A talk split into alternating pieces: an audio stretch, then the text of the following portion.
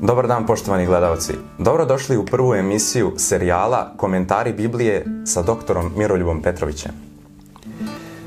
Dragi prijatelji, pokrećemo jedan serijal na zahtev velikog broja pratilaca koji su bili zainteresovani da se Biblija malo prokomentariše, iako je biblijski tekst pisan za nepismene jevreske pastire i bez ikakvog komentara svako može da razume osnovne stvari iz Biblije, ali ćemo mi u jednom serijalu da prokomentarišemo stih po stih i da damo jedno malo šire značenje a, i bolje razumevanje onima koji su zainteresovani za Bibliju.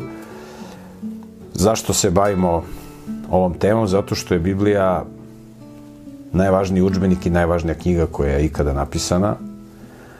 Kada bi postojala samo Biblija i nijedna druga knjiga a, osim Biblije, čovečanstvo ne bi bilo na velikom gubitku, ali kada ne bismo imali Bibliju, čovečanstvo bi bilo bukvalno slepo i ne bi znalo u kom smeru da ide.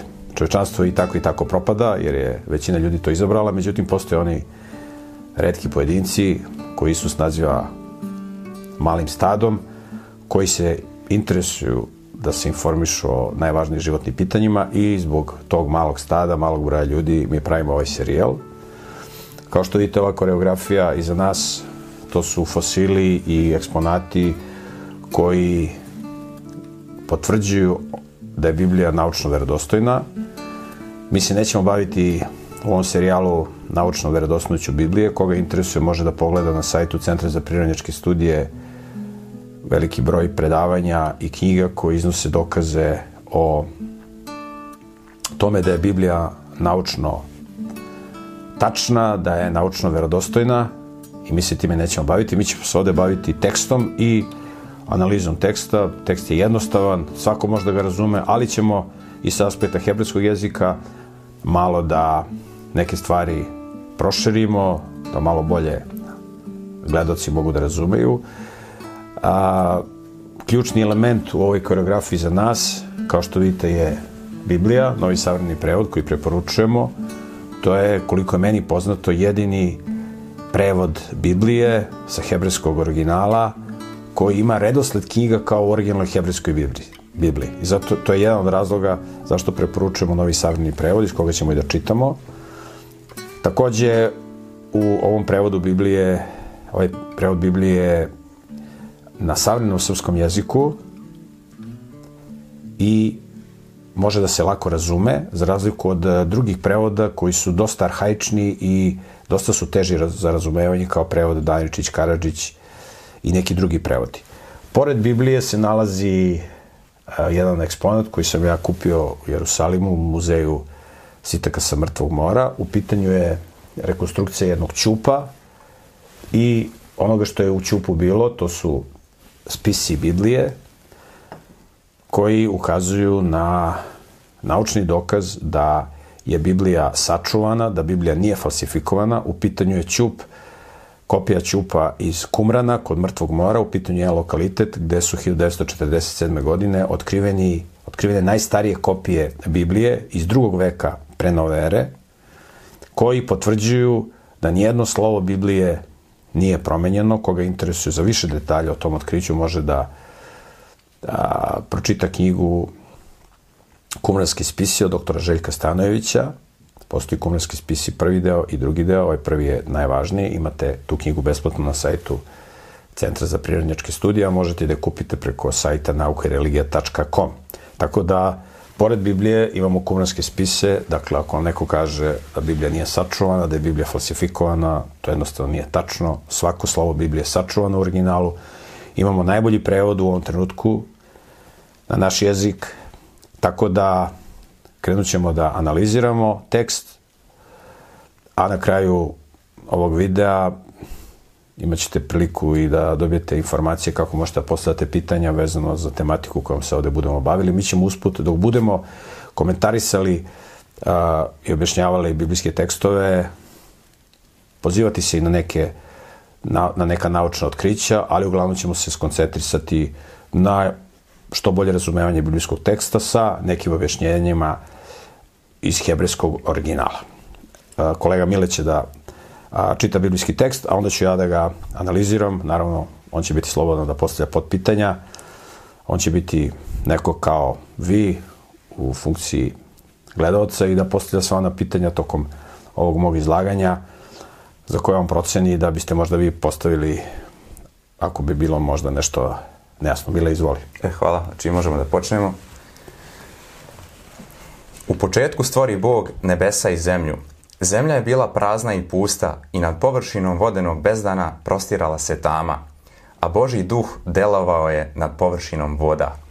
Dakle, ovo su prva dva stiha a, Biblije. Prva knjiga Biblije se zove u originalu u početku Berešit, mi kažemo prva knjiga Mojsijeva, zato što se ova knjiga pripisuje Mojsiju.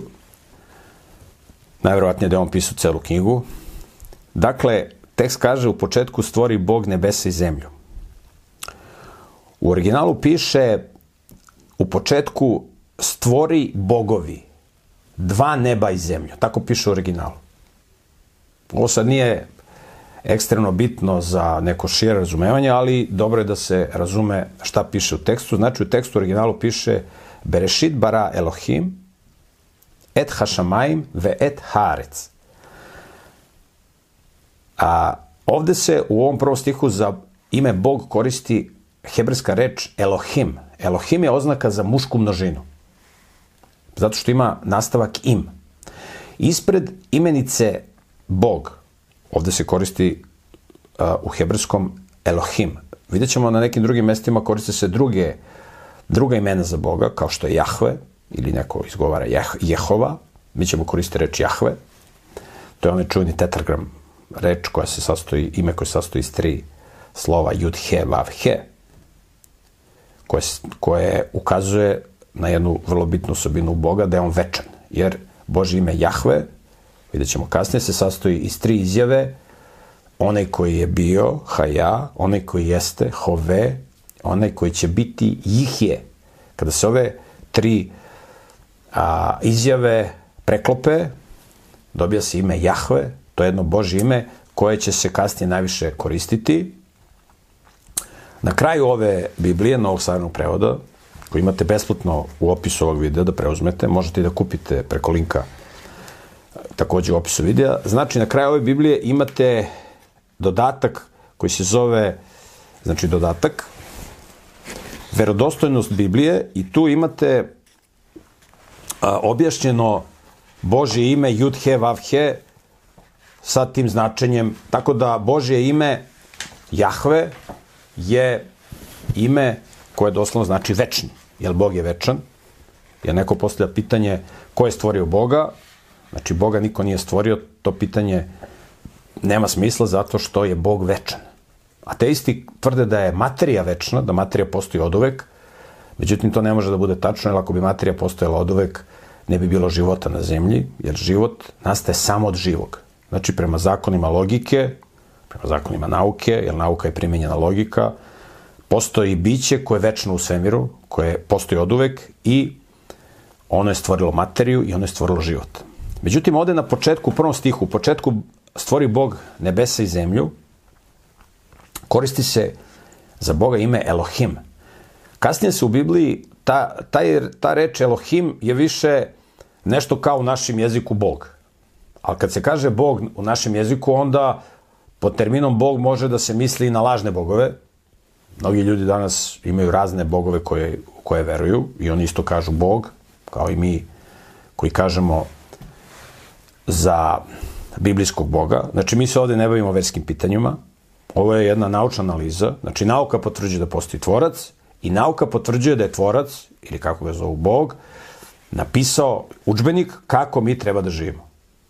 Kako da se hranimo, kako da se ženimo, kako da vaspitavamo decu, kako da uređujemo državu. Znači, jedan kompletan učbenik za sve aspekte ljudskog života. I mi sa naučnog aspekta se ovim bavimo, znači ne bavimo se promocijom nikakvih vera i veroispovesti i verskih zajednica, znači bavimo se a, naučnom analizom, jel sa aspekta učbenika koji nam je Bog dao, sa aspekta Biblije, postoje dve grupe ljudi, oni, su koji, oni koji su na strani Boga i oni koji su protiv, znači Biblija se ne bavi verskim zajednicama ni nekim drugim pitanjima po kojima se ljudi danas dele. Znači ovde u prvom stihu se koristi ime Bog. Kasnije će se, u hebrejskom se koristi ime Elohim, kasnije će se za tog Boga, biblijskog Boga, koristiti ime Jahve. Da se tačno prepozna pravi Bog, Jahve, od lažnih bogova. Ovo ime Elohim takođe se u Bibliji koristi kada se govori i za sudije. I kada se govori za a, neka, i za anđele se koristi ime Elohim, kao neki a, reč Elohim koji označava množinu, jednina je Eloah, ali znači reč Elohim ukazuje na nekoga ko ima moć, ko je moćan, to može da bude Bog, iz konteksta se ovde vidi da se ovde radi o Bogu, a mogu da budu neki kojima je Bog dao ovlaštenje da mogu da sprovode zakon uh, u svemiru, kao što su sudije. Znači, reč Elohim se može koristiti, koristi se u Bibliji i za... Tako da je ime Elohim koji se u prvom stihu koristi jedan opšti termin za Boga. Ali ono što je ovde jako važno, u ovom prvom stihu da vidimo, jeste da kaže u početku stvori Bog. Glagol stvori je u jednini, a imenica je u množini. Znači, doslovan prevod bi bio u početku stvori bogovi. Pošto ovde glagol u jednini, to ukazuje da je jedan bog. Znači, Elohim je jedan bog. Ali iz same imenice Elohim mi vidimo da je to jedan bog iz, ove, iz ovog termina bara Elohim. Mi, mi vidimo da je to jedan bog koji ima više dimenzija. Elohim. Ne može, u hebrejskom ne postoji da se vi nekome obraćate sa vi, kao što se mi ovde kao iz poštovanja nekome obraćamo sa vi. To u hebrejskom ne postoji. Znači, ne, ne možete vi Bogu da se obraćate sa vi. U, Be, u, u Bibliji stalno kada se neko moli Bogu i kada se obraćamo Bogu, mi se Bogu obraćamo sa ti. Znači, ne sa vi. To u hebrejskom ne postoji. Tako da u prvom stihu mi vidimo da postoji jedan Bog koji ima više dimenzija. Elohim. Znači ima ih više. To ćemo i kasnije u tekstu videti, kako drugi tekst, biblijski tekstovi to ukazuju. Ovaj tekst, ova prva rečenica je vrlo zanimljiva zbog toga, što ukazuje da je jedan Bog koji ima više dimenzija, Znači, takva je njegova anatomija, mi ćemo kasnije vidjeti o čemu se radi.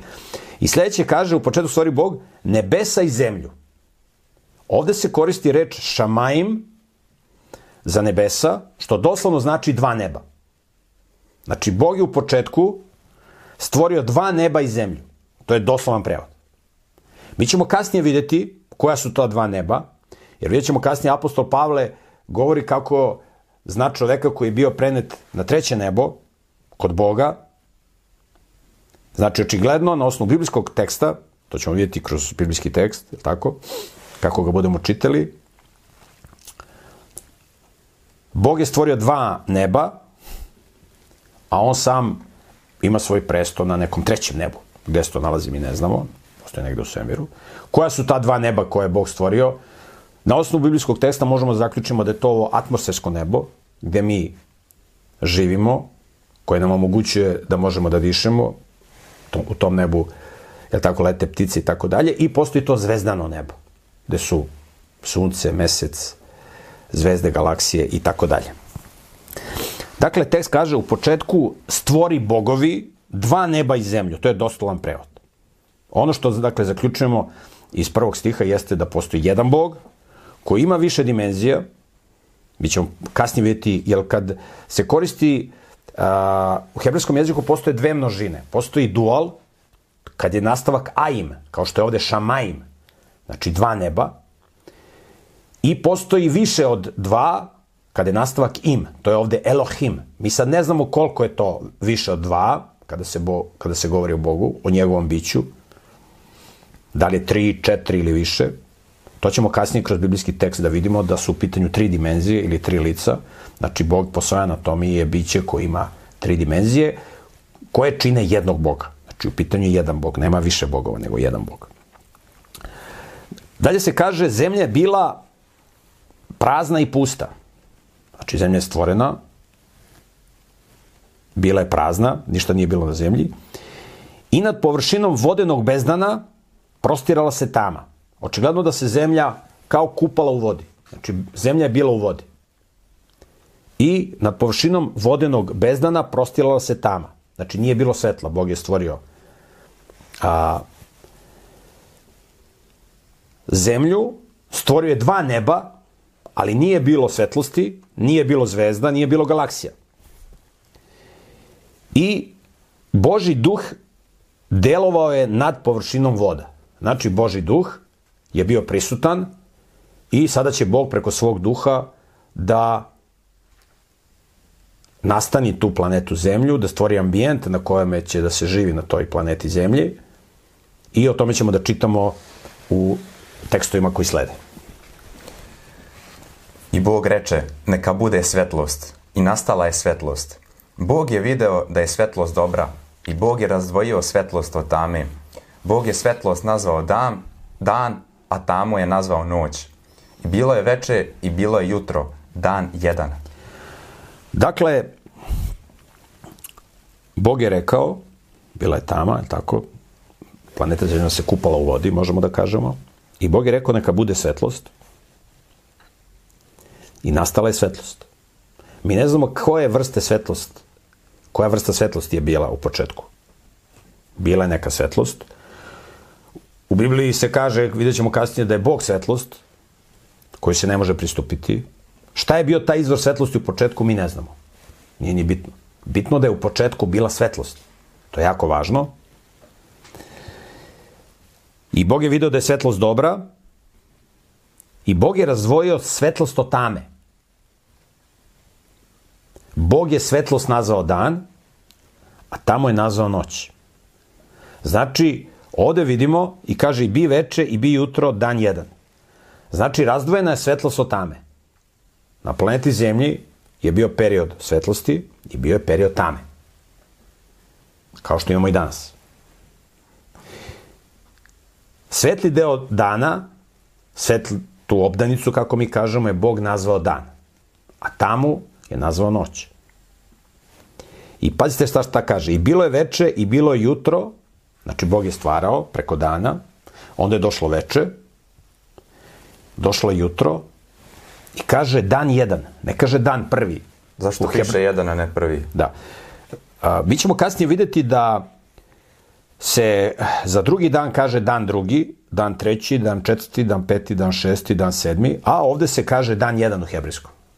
Jome had, ne kaže Jom Rishon, nego Jome had, dan jedan. Zašto? Zato što je to, zato što to nije prvi dan u svemiru. Očigledno da su postojali dani i pre stvaranja naše planete i našeg svemira, da je Bog stvarao i pre našeg sveta, da tako kažemo. Tako da je to jedan dan. Jedan dan u istoriji Božeg stvarenja. Znači nije prvi dan. Nije dan prvi, nego dan jedan. I mi ćemo vidjeti tu tipologiju kasnije zašto je bitna. Da je ova sedmica stvaranja u stvari početak jedne druge sedmice od, šest, od 7000 godina. Znači, Bog je stvarao za šest dana, kao što ćemo vidjeti, sedmog dana je prestao da radi, znači nije se on odmore, odmarao, kao što neki misle, to ne piše u Bibliji da se Bog odmarao sedmog dana, nego je Bog prestao da radi. Isto tako, prestao da stvara. Isto tako, vidjet ćemo da postoji jedan drugi period kada Bog stvara 6000 godina i onda će sedme hiljade godine Bog prestati da stvara. Mi smo na kraju te velike sedmice od 6000 godina, o tome ćemo govoriti. Tako da ovde se kaže da je to dan jedan. Znači nije dan prvi, dan jedan. Ono što je bitno znači prvog dana Bog je stvorio svetlost i postojala je svetlost na zemlji i postao je dan. Kao što ćemo vidjeti dan od 24 časa iz kasnijeg biblijskog teksta. Možemo da nastavimo dalje, čitamo. Zatim Bog reče, neka bude nebeski svod između voda i neka se razdvoje vode od voda. Tada je Bog načinio nebeski svod i razdvojio vode koje treba da budu ispod svoda od voda koje treba da budu iznad svoda. I bilo je tako. Bog je nebeski svod nazvao nebo. I bilo je veče i bilo je jutro, dan drugi. Znači, videli smo da je Bog u početku stvorio planetu Zemlju koja se kupala u vodi. Prvog dana je stvorio svetlost, a drugog dana Bog je stvorio nebeski svod koji je nazvao nebo. Znači, kao da je Bog u početku, na osnovu teksta, jednog dana ćemo imati više informacija, kad nam Bog bude dao, ali očigledno da je Bog u početku stvorio dva neba, atmosfersko nebo i zvezdano nebo, a onda je, to je bilo prvog dana, a onda je drugog dana razdvojio tu vodu iznad nebeskog svoda. Kao da je Bog napravio granicu, napravio jedan vodeni omotač koji je razdvajao atmosfersko nebo od zvezdanog neba. Kaže, razdvojio je vodu pod svodom od vode nad svodom. I taj svod, atmosferu, je nazvao nebo. Znači, to je jedno nebo, imamo ono drugo nebo, zvezdano nebo. Znači, u početku su bila dva neba na osnovu biblijskog teksta koja nisu bila razdvojena, da kažemo, vodom. A ovde ih sad Bog razdvaja vodom i postoji voda iznad atmosfere i voda ova ispod atmosfere, to su ovi vodeni baseni o kojima ćemo uskoro videti. O tome govori biblijski tekst. Vidjet ćemo kasnije ta voda iznad svoda, mi ne znamo u kojoj formi bila ta voda iznad svoda, da li je bila u kom agregatnom stanju. Mislim, mi ne znamo te detalje. Postoji jedna knjiga koju radi jedan američki naučnik, zove se Joseph DeLow, knjiga se zove Waters Above, ko hoće može tu knjigu da nabavi preko interneta da pročita. On se bavi analizom kako je mogo da izgleda taj svod, vodeni svod, taj vodeni omotač oko planete Zemlje, koga interesuje to može to da pročita. Znači, ono što je bitno da vidimo da je a, Bog taj nebeski svod, odnosno nebo, atmosferu pripremio zato što će tu da stvara život i mora da postoje adekvatni uslovi za život na planeti Zemlji. Znači, Bog u prva dva dana priprema ambijent za stvaranje života i za omogućavanje da život može da se razvija na planeti Zemlji i na kraju kaže dan drugi. Ovde se kaže dan drugi, jer je to drugi dan u ovoj sedmici stvaranja. Vidjet ćemo da Bog stvara kroz sedmice, jer sedam je jedan poseban broj koji se spominje u Bibliji. Znači, a, drugi dan priprema se dakle i završava se priprema a, ambijenta za stvaranje života. Idemo dalje. Zatim Bog reče, neka se vode ispod nebesa sakupe na jedno mesto i neka se pokaže kopno. I bilo je tako. Bog je kopno nazvao zemljom, a sakupljene vode nazvao je morima. I Bog je video da je to dobro. Zatim Bog reče, neka iz zemlje nikne trava, bilje koje nosi seme, plodno drveće koje po svojim vrstama na zemlji rađa plod u kome je njegovo seme. I bilo je tako. Zemlja je pustila iz sebe travu, bilje koje nosi seme po svojim vrstama i drveće koje rađa plod u kome je seme po njegovim vrstama. I Bog je video da je to dobro. I bilo je veče i bilo je jutro, dan treći. Iz ovog teksta vidimo da sad Bog a, razdvaja kopno od vode. Znači, kada je Bog razdvojio vodu iznad atmosfere od vode ispod atmosfere, planeta Zemlja se na početku trećeg dana i dalje kupala u vodi. Znači, bila je pod vodom. I onda je Bog razdvojio kopno, očigledno je izdiz, izdignuo taj a, kontinent. Vidjet ćemo kasnije da je to bio jedan kontinent, da ih nije bilo više. Znači, izdigao je jedan kontinent, a izdubio je morske basene i stvorio je mora na planeti Zemlji. Kada pogledamo kako izgleda a, poprečni presek planete Zemlje, planeta Zemlja ima jednu tanku koru, debljine 40 km, inače poprečni, inače prečnik, a, poluprečnik Zemlje je oko 6730 km, Samo 40 km čini zemljinu koru koja je čvrsta. I donji deo te zemljine kore čini jedna stena koja se zove bazalt, iznad nje se nalazi stena koja se zove granit. I, svi, I taj granit čini osnovu kontinenta. Tada je bio jedan kontinent, očigledno, vidimo, vidjet ćemo na osnovu biblijskog teksta i kasnije, kad dođemo u desetu knjigu, desetu poglavlje knjige, prve knjige Mojsijeve. Znači, Bog jednostavno izdigao taj jedan kontinent, udubio morske basene, To je bilo na početku trećeg dana. To je bilo potrebno da bi na tom kopnu koje će se pojaviti, da se pojave a, biljke. I sad zapazite koje su ovde biljke stvorene. Stvorene su tri vrste biljaka. Kasnije, kada se čovjek bude pobunio protiv Boga, bit će a, stvorena i četvrta vrsta. Ovde se spominje, kaže, neka iz zemlje iznikne trava, bilje koje nosi seme i plodno drveće koje po svojim vrstama na zemlji rađa plod u kome je njegovo seme. Znači imamo travu, imamo bilje koje nosi seme i imamo drveće koje nosi seme. Ove tri vrste biljaka je Bog stvorio.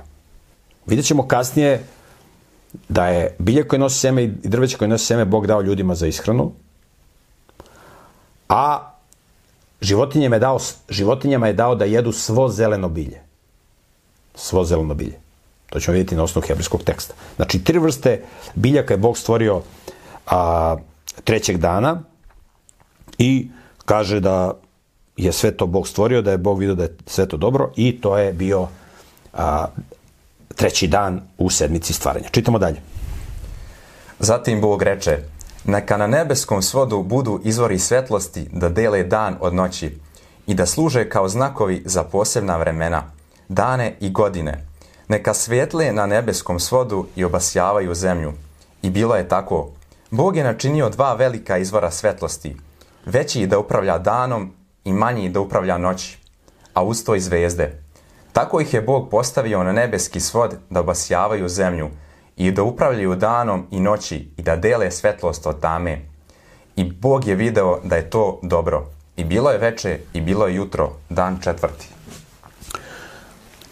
Dakle, četvrtog dana Bog stvara, vidimo iz teksta, sunce i mesec. Tek četvrtog dana. Zašto? Postoji više razloga. Jedan A glavni razlog je taj da se pokaže da svetlost na planeti Zemlji ne zavisi od sunca i od meseca i od zvezda. Svetlost na planeti Zemlji zavisi od Boga. Znači, u početku je Bog stvorio svetlost, mi ne znamo kako je bila ta vrsta svetlosti, možda je Bog sam bio svetlost. Znači, postao je dan, postojala je noć, prvi dan i drugi dan i treći dan, kaže se bi veče i bi jutro. Bog je razdvojio svetlost od tame, tamo je nazvao noć. Znači, postojala je noć, postojala je dan. Znači, nije potrebno sunce i mesec da bismo imali osvetljenje na zemlji. Ljudi će tokom istorije obožavati sunce i mesec kao božanstva. Bog je stavio sunce i mesec u četvrti dan. Znači, sunce i mesec su samo baterije koje je Bog upalio na nebesima. To nisu nikakvi bogovi, nikakva božanstva kojima će se ljudi kasnije klanjati. To je jedan od razloga zašto je Bog četvrtog dana stvorio a, sunce, mesec i zvezde i kaže a, stvorio ih je da služe, da dele dan od noći, znači da se zna kad je dan, kad je noć, je tako? Da služe kao znakovi za posebna vremena. U hebrejskom Moadim. Posebna vremena vidjet ćemo u trećoj knjizi Mojsiju u, u, u to je 23. poglavlje, čini mi se. Vidjet ćemo kada se bude govorilo o ili 20. poglavlje. Vidjet ćemo kada se bude govorilo o Božim praznicima, o takozvani Moadim. Znači, zašto je bitno da postoje sunce, mesec i zvezda? Da razdvoje svetlost, da razdvajaju dan od noći,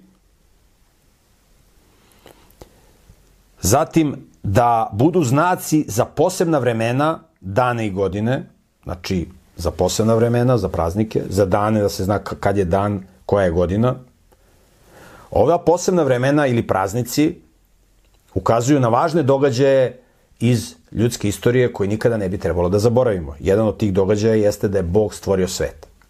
I jedan od najvažnijih praznika i najvažniji praznik u Bibliji je praznik koji ukazuje na stvaranje sveta. To je takozvani sedmi dan u sedmici koji bi trebalo da se obeležava, na, koje, na koji bi trebalo da se podsjećamo. Taj sedmi dan ukazuje na podsjećanje da je Bog stvorio ovaj svet. Znači, sedmi dan u sedmici je kao jedna vrsta rođendana planete Zemlje, jedan podsjetnik da nikada ne zaboravimo da je ovaj svet stvoren. Ljudi su će kasnije tokom istorije zaboraviti da je Bog stvorio ovaj svet i u školama će se učiti da smo nastali od majmuna, da je ovaj svet nastao eksplozijom u svemiru, velikim praskom pre 15 milijardi godina i slične gluposti. Zato su bitna ta posebna vremena ili praznici. Neki ukazuju na stvaranje sveta, a neki ukazuju na važnije događaje iz ljudske istorije koji će trebati da se dese i o kojima će Bog da govori. Takođe su stvoreni i da obasjavaju zemlju. Sunce je bitno i mesec da obasjavaju zemlju iz više razloga, ali tako? Biljke koje su jedni proizvođači hrane na planeti Zemlji koriste sunčevu svetlost i u procesu fotosinteze stvaraju tkivo biljaka koje kasnije životinje ljudi konzumiraju. A, I to je bilo četvrtog dana. Znači, četvrtog dana Bog je stvorio sunce, mesec i zvezde iz ovih nekoliko razloga koje su, koji su važni da ih spomenemo. Idemo dalje. Zatim Bog reče, neka u vodama provri mnoštvo živih duša i neka leteća stvorenja lete nad zemljom po nebeskom svodu. Tada je Bog stvorio velike morske životinje i sve žive duše što se miču, koje su provrle u vodama po svojim vrstama, i sva krilata stvorenja po svojim vrstama. I Bog je video da je to dobro. Tada ih je Bog blagoslovio rečima. Budite plodni i množite se i napunite vode u morima i neka se stvorenja koja lete namnože na zemlji. I bilo je veče i bilo je jutro, dan peti. Dakle, petog dana Bog stvara vodene organizme i leteće organizme. I namera je bila da se oni umnože, kaže da ih je stvorio po svojim vrstama. Takođe, u trećem danu stvaranja Bog kaže da se biljke, bilja koje nosi seme i drveće koje nosi seme i trava da će biti stvoreni po svojim vrstama. Znači, u hebrejskom se koristi reč min, što znači tip. Nisu to ove vrste koje mi danas koristimo u biologiji. U pitanju je nešto na nivou roda, za one koji znaju malo ovaj biološku podelu. Znači, Bog je stvorio osnovne tipove. Osnovne tipove biljaka, osnovne tipove životinja, koji ukrštanjem između sebe mogu da daju neke nove tipove, odnosno nove vrste organizama. Znači, Bog je stvorio ptice, znači vodene organizme je stvorio i leteće organizme je stvorio četvrtog dana stvaranja. Idemo na peti dan. 24. stih. Znači idemo na šesti dan, tako. Sada idemo, da, ovo je bio peti dan, četvrtog dana da. su stvoreni sunce, meseci i zvezde, petog dana su stvoreni a, vodeni organizmi i leteći i sad idemo na šesti dan, to je 24. stih. Zatim Bog reče, neka zemlja pusti iz sebe žive duše po svojim vrstama, stoku, druge životinje što se miču i divlje životinje zemaljske po svojim vrstama. I bilo je tako. I Bog je načinio divlje životinje zemaljske po njihovim vrstama, stoku po, nje, po njenim vrstama i sve druge životinje što se miču na zemlji po njihovim vrstama. I Bog je video da je to dobro. A, ovo je prvi deo šestog dana, kada Bog stvara kopnene organizme i kaže se da ih stvara a, neka zemlja pusti iz sebe žive duše. Mi ćemo vidjeti kako je Bog stvarao kasnije u drugom delu šestog dana, kako je Bog stvarao čoveka. Na sličan način je stvarao i životinje, znači stvarao ih je od zemlje. Znači, Bog je uzeo zemaljski prah, kako piše u Bibliji, oblikovao ga je u hebrejskom, ja car. Znači, Bog je oblikovao a, organizme na zemlji, kasnije vidjet ćemo i čoveka, i onda im je udahnuo duh životni. To će sada u drugom delu šestog dana biti objašnjeno. Dakle, Bog koristi zemlju koja je postojala da od nje oblikuje, vidjet ćemo kako, i da onda u njih ubacuje duh životni, da ti oblikovani organizmi mogu da budu živi i da postanu žive duše, kao što ćemo vidjeti. Znači, u prvom delu šestog dana Bog stvara kopnene organizme, idemo dalje. U drugi deo šestog dana... Zatim Bog reče, hajde da načinimo čoveka po svom obličju, sličnog nama, i neka vlada nad morskim ribama, nad stvorenjima koja lete po nebu, nad stokom, nad svom zemljom i nad svim drugim životinjama što se miču po zemlji. Tada je Bog stvorio čoveka po svom obličju. Stvorio ga je po Božjem obličju, stvorio je muškarca i ženu. Zatim ih je Bog blagoslovio i rekao im, rađajte se i množite se, napunite zemlju i vladajte njom, i budite gospodari nad morskim ribama i stvorenjima koja lete po nebu i nad svim stvorenjima što se miču po zemlji. Ovde imamo nešto o čemu smo pričali u prvom stihu, kaže, zatim reče Bog, hajde da načinimo čoveka. U hebrejskom se kaže da bar Elohim. Opet da bar, kao tamo što je bilo bara, glagol u jednini, a imenica u množini. Znači, rekao je bogovi, tako doslovno piše u originalu, da bar Elohim, jedan bog koji ima više dimenzija, je rekao, hajde da načinimo čoveka. Znači, njih je više. Vidjet ćemo kasnije kroz biblijski tekst da su trojice, da su tri dimenzije Boga. Pa otac, sin i sveti duh. Bog je po svome biću nešto drugo nego što smo mi. Ne možemo mi sad Boga da ograničamo, Bog ima oči kao mi, bubrege kao mi, srce kao mi i tako dalje i tako dalje. Znači, on nas stvara po svom obličju, kaže, hajde da načinimo čoveka po svom obličju, ali jedno je tvorac, a drugo je stvorenje. Pisac može da piše knjigu, i mi kad čitamo knjigu vidimo mnoge karakterne osobine pisca. Znači, knjiga je pisana po obličju pisca. Ali jedno je pisac, a drugo je knjiga. Knjiga ima stranice, slova i tako dalje, korice, pisac ima srce, bubrege, pluće i tako dalje. Znači, Bog je stvorio čoveka po svom obličju, u duhovnom smislu, u karakternom smislu. I da vlada na mor, nad morskim riljima, na stvorenjima koje lete pa zemlju i tako dalje i tako dalje. Znači, Bog je stvorio čoveka na, da živi na planeti zemlji, da bude gospodar, Bog je vrhovni gospodar, ali uh, Bog je čoveku poverio sve ono što je stvorio na zemlji.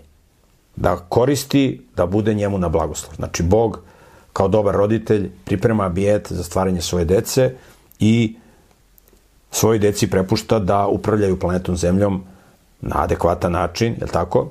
Kao što ćemo vidjeti. I ovde čitamo prvu zapovest koju je Bog dao, rađajte se i množite se. Znači, to je prva zapovest koju je Bog dao u istoriji i nema veće radosti, veće sreće nego imati svoje dete i iz tog razloga Bog je stvorio ljude da bi im se radovao, kao što roditelji stvaraju decu da bi im se radovali. I ovo je vrlo bitna poruka koju vidimo u ovim tekstovima, zašto je Bog stvorio ovaj svet. Stvorio je zbog ljudi da bi im se radovao i pošto ljude stvorio po svom obličju, on njima kaže da i oni rade to što Bog radi, da stvaraju nove ljude, da se rađaju, da se umnožavaju i da uživaju i da budu srećni sa svojim potomstvom. Čitamo dalje. Zatim Bog reče, Evo dajem vam sve bilje koje nosi seme po svoj zemlji i sve drveće s plodovima u kojima je seme. Neka vam to bude za hranu. A svim divnim životinjama zemaljskim i svim stvorenjima koja lete po nebesima i svim, ži i svim živim dušama što se miču po zemlji, dao sam za hranu svo zeleno bilje. I bilo je tako. Poslije toga... To, to je to. To je, to je završeno poglavlje. Sad ćemo da stanemo. Inače, a, Biblija je podeljena na poglavlje i stihove tamo negde u 12. veku. U originalnom tekstu ne postoje podele na poglavlja i na stihove, to je kasnije dodato. I taj koji je radio ovaj podelu u 12. veku,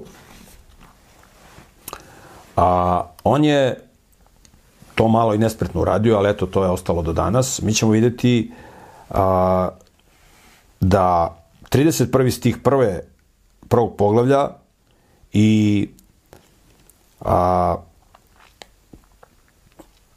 prva tri stiha drugog poglavlja u stvari predstavljaju jednu celinu.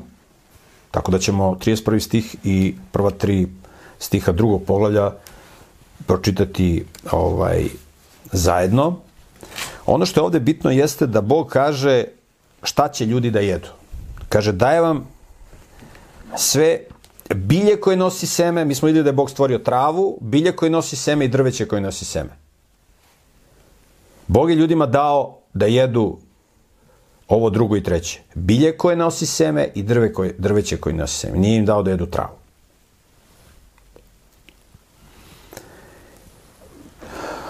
Znači, bilje koje nosi seme i drveće koje nosi seme, danas možemo da vidimo koje su to biljke. Najjednostavnije rečeno, Bog je ljudima dao u početku da jedu plodove.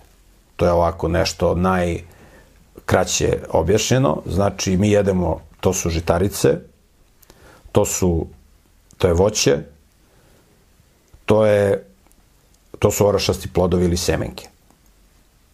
To je ovako grubo rečeno. Postoje neke vrste a, povrća koje mi zovemo, danas kažemo povrće, koje je, koje ima plodove, kao što je paradajz, paprika. Znači, mi kod njih ne jedemo koren, stablo, list, nego jedemo plodove. Znači, semenke i plodovi, to je ono što je Bog u početku ljudima dao. Sigurno da je bio mnogo veći izvor i izbor a, bilja koji nosi seme i drveće koje nosi seme. U početku ljudi nisu dobili, nisu dobili da jedu list, koren i stablo, kao što će se kasnije dati kada se budu pobunili protiv Boga. Znači, u početku ljud, Bog je ljudima dao da jedu bilje koje nosi seme, drveće koje nosi seme. A životinjama je dao, na osnovu teksta, svo zeleno bilje, ili u hebrejskom kol jerek esev. Znači, svo zeleno bilje je dato životinjama. Svo zeleno bilje. U okviru svog zelenog bilja postoji jedan deo koji je dat čoveku da jede. To je bilje koje nosi seme i drveće koje nosi seme. Znači, ljudima nije dato da, jede, da jedu svo zeleno bilje.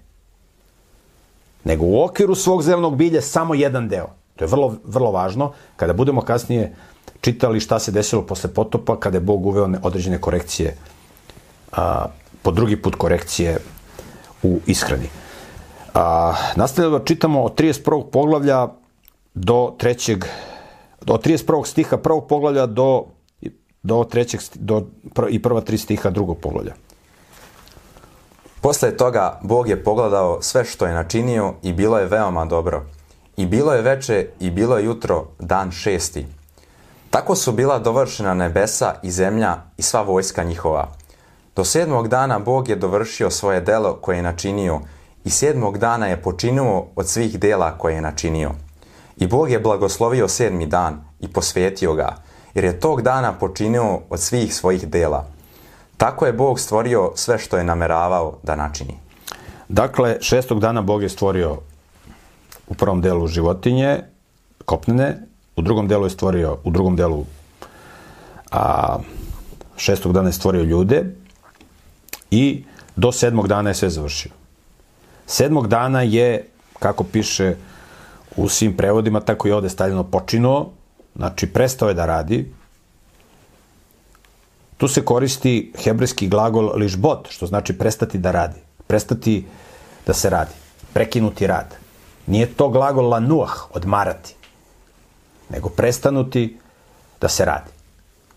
I zato sedmi dan, sedmog dana je Bog prestao da radi i sedmi dan je blagoslovio i posvetio Tako da, sedmi dan je uspomena na stvaranje, kao što ćemo vidjeti kroz biblijski tekst. Neko će reći kakve to veze ima kad je sedmi dan. Međutim, vidjet ćemo da je pitanje tog sedmog dana postavljeno i u Božju zapovest i da će se ovo pitanje sedmog dana, odnosno uspomene na stvaranje, vrlo osporavati, Danas jako mali, ljud, jako mali broj ljudi na zemlji obeležava taj sedmi dan, a, a ovi drugi koji ga ne obeležavaju, oni insistiraju na uvođenju nekog drugog sedmičnog praznika.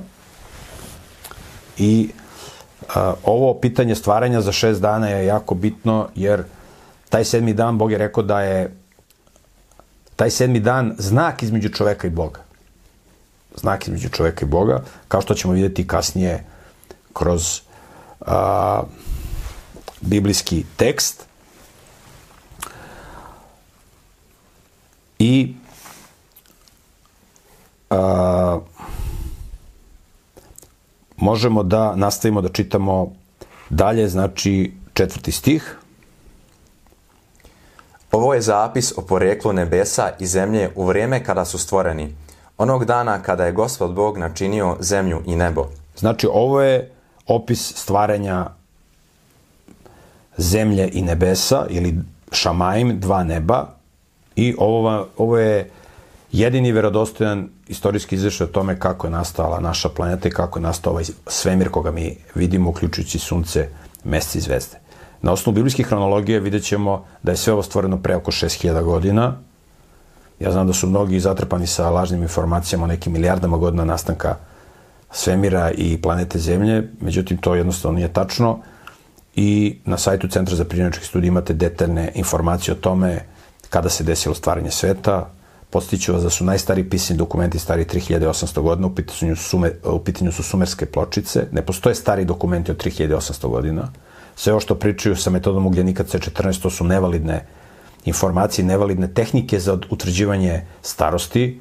O metodi ugljenika C14 možete da pročitate detaljnije na sajtu Centra za prirodnjačke studije. Dakle, ovo je izveštaj o tome kako su stvoreni a, Znači ovde se radi o doslovnih šest dana stvaranja. Ovde se radi o doslovnih šest dana stvaranja i kada budemo čitali Bože zapovesti, koji su zapisani u drugoj knjizi Mojsijov od 20. poglavlja, tamo ćemo da čitamo, četvrta zapovest kaže, šest dana radi, a sedmog dana odmaraj, šest, sedmog dana nemoj da radiš, jer je Bog za šest dana stvorio sunce, mesec, zvezde Jel tako? Bog je sve stvorio za šest dana i sedmog dana je prestao da radi. Znači, ovde se radi o doslovnih šest dana. Svi oni koji kažu da su ovo neki milijarde godina i geološki periodi, to jednostavno naučno nije tačno. Ne znači da ti ljudi nisu moralni i tako dalje, ali s aspekta nauke, biblijski tekst jasno kaže da je za šest 24 časovnih dana Bog stvorio a, naš svet, zemlju, mora, zvezde, sunce, mesec, galaksije, znači za šest doslovnih 24 časovnih dana, znači nisu reči jom u hebrejskom znači dan, nekada se koristi u, nekim, u nekom drugom kontekstu a, koji ne može da se izvrće, znate, kao kad mi kažemo tog dana sam ja išao na pijacu, tog dana, razumete? U taj dan desilo se to i to. Pa taj dan, kad se kaže dan, može da se misli na taj vremenski period koji nije 24 sata, nego u tom trenutku. Postoje take neke izjave u Bibliji, ali to nema nikakve veze sa biblijskim tekstom i sa biblijskim izveštajem. Znači, sama Božja zapovest govori da treba šest dana da radimo, sedmog da ne radimo, jer je Bog za šest dana sve stvorio. Na zemlji još nije bilo poljskog grmlja i još nije niklo poljsko bilje, jer gospod Bog još nije pustio kišu na zemlju i nije bilo čoveka da obrađuje zemlju ali, se zemlj, ali sa zemlje se dizala para i natapala svu površinu zemlje. U Bibliji postoje takozvani paralelizmi, kada se određeni događaji ponavljaju dva puta u dva a, izveštaja koje se nalaze i u istom poglavlju. Nekada se nalaze u jednom, u, u, pošto kažem u originalnom tekstu nije bilo stihova i poglavlja. Tako da ovde se kaže da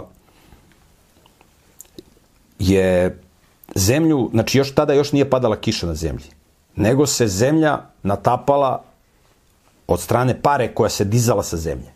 Znači bili su posebni uslovi na zemlji, znači nije bilo očigledno da je klima bila umerena, nije bilo godišnjih doba, kao što ćemo vidjeti kasnije u biblijskom tekstu, znači nije bilo godišnjih doba, Znači, nije bilo kiše, nije bilo snega, bila je umerena klima na svim meridijanima, kao što ćemo moći da vidimo na osnovu kasnijeg istorijskog izveštaja, što nauka potvrđuje s ovim fosilima koje neke možemo da vidimo iza nas. Tako da, dakle, u početku biblijski izveštaj kaže, u početku na planeti Zemlji nije bilo kiše i snega, nego se podizela para sa zemlje koja je natapala zemlju da bi sa tom vrstom vlage mogla da a, snabdeva biljke koje će tu da izrastu i koje će tu da se razvijaju. Idemo dalje. Sedmi stih. Gospod Bog je stvorio čoveka od zemaljskog praha i udahnuo mu u nozdrve dah života. I čovjek je postao živa, živa duša. Gospod Bog je zasadio vrt u Edenu prema istoku i tamo je smestio čoveka koga je stvorio. Tako je gospod Bog učinio da iz zemlje nikne raznovrsno drveće prijatno za gledanje i čiji je plod dobar za jelo, kao i drvo života usred vrta i drvo spoznanja dobra i zla. Ovde se sada detaljnije objašnjava kako je Bog stvorio čoveka. Znači, tekst kaže da je Bog u hebrejskom originalu oblikovao čoveka od praha zemaljskog. Znači, oblikovao ga. Ja car. Kako ga je oblikovao? Oblikovao ga je po planu. Taj plan imamo zapisan u svakoj našoj ćeliji na molekulu DNK, znači u genima. Mi u svak, svaka naša ćelija, osim nekih redkih ćelija kao što su krvne ćelije, ima plan, molekul DNK, u kome se nalazi plan kako je Bog nas oblikovao. Znači, bukvalno u hebrejskom piše oblikovao. Znači, Bog je oblikovao čoveka na osnovu tog plana od praha zemaljskog, to je naše telo, i mi kad pogledamo strukturu naših tela, više od 99% našeg tela čine samo četiri hemijske elementa. Vodonik, kiseonik, ugljenik i azot. Manje od 1% su svi ostali hemijski elementi. Dakle, čovjek je zaista u fizičkom smislu prah zemaljski. I onda je u, taj, u to oblikovano telo, koje je bilo mrtvo, od zemlje, od mrtve zemlje, Bog je udahnuo duh životni. I čovek je postao duša živa. Dakle, spoj tela i duha životnog stvara živu dušu. Znači, čovek je živa duša, jer se sastoji od tela i duha životnog. Znači, čovjek ima dušu u smislu da ima život, ali čovjek se sastoji iz tela i duha. Spajanjem tela i duha nastaje živa duša ili živo biće. Kada čovjek umre, razdvaja se telo od duha životnog i duše nema. Čovjek ne postoji. Nije živ. Telo ide u fizički grob, koji se zove hebrejski kever, a duh životni se vraća Bogu, kao što ćemo vidjeti Bogu koji ga je dao, kao što kaže biblijski tek, tekst, i on se skladišti, da tako kažemo, u duhovni grob koji se zove šel. Ta duhovna komponenta koja ide kod Boga koji ga je dao, je ono što sadrži naše sećanja, naše emocije i tako dalje, tako dalje. Ono što čini naš identitet. Duhovni identitet, karakter. I onda jednoga dana, kada Bog bude ponovo stvarao ljude, kao što ćemo vidjeti iz biblijskog teksta, jer Bog je obećao da će se ljude ponovo da stvori, Bog će taj duh životni od svakog čoveka da vrati u telo. Što se tela tiče, to je prah zemaljski, Bog može telo da stvori bilo gde na zemlji, ima materijala koliko hoće, na sve strane, ali ono što je ključno, to je taj duh životni. To je kao što vi možete kompjuter bilo koji da sklopite, ali ono što je bitno za kompjuter, to je ona ona informacija, onaj softver, onaj program koji vi imate uskladišten negde na vašom eksternom hard disku i onda ako vam se kompjuter slomi, pokvari, vi možete isti takav kompjuter da nabavite i da u njega ubacite onaj softver koji imate uskladišten na vašem eksternom hard disku, je tako? Tako i ovde, ovo je jedna analogija, Bog A, stvara znači Bog je stvorio čoveka tako što ga oblikovao od praha zemaljskog, udahnuo mu duh životni i čovjek je nastao živa duša ili a, živo biće. I kaže da je Bog zasadio vrt u Edenu. Eden je neko mesto koje je bilo na planeti Zemlji i tu je bio vrt koji je Bog zasadio da u tom vrtu žive ljudi, znači jedan idealan ambijent za život – I kaže da je Bog učinio da iz zemlje izrasne razvrsno drveće, prijatno za gledanje i čiji je pod, plod dobar za jelo. Znači, odlični uslovi za život. I takođe se kaže da je u tom vrtu Bog posadio i drvo života usred vrta i drvo spoznanja dobra i zla. Pored ovih drveća za koje su dobre, ako imaju dobre plodove za konzumiranje i za gledanje. Znači, to i danas kad jedemo nije samo da hrana bude ukusna, nego da bude i lepo aranžirana. Tako i Bog, ovaj, što se kaže, jede se i očima. Znači, Zato ovi koji se bave proizvodnjom hrane gledaju da hranu lepo aranžiraju i da izreklamiraju na svojim reklamama. Tako i Bog dakle, stvorio drveće koje će da se konzumira, čiji će plodovi da se konzumiraju, ali je stvorio, kaže u Edenskom vrtu, i drvo života i drvo spoznanja dobra i zla. Vidjet ćemo kasnije da to drvo života predstavlja jedno posebno drvo, e, čiji plod kada se konzumira, čovek može da večno živi. Naravno da je to nešto što je Bog uspostavio i što je bilo ljudima dato kao jedna vrsta testa, vidjet ćemo kasnije kada budemo čitali a, biblijski tekst, dakle da ljudi ukoliko poštuju Boga, ukoliko žele da žive po moralnom zakonu, ukoliko im je stalo do života, znači onima kojima je stalo do života, moći će da konzumiraju plodove sa drveta života i da večno žive.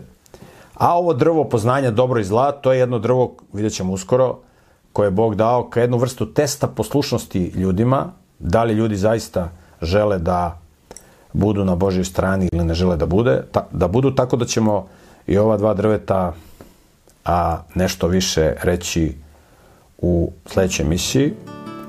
Ovo je bilo za sada sve što se tiče ove prve emisije.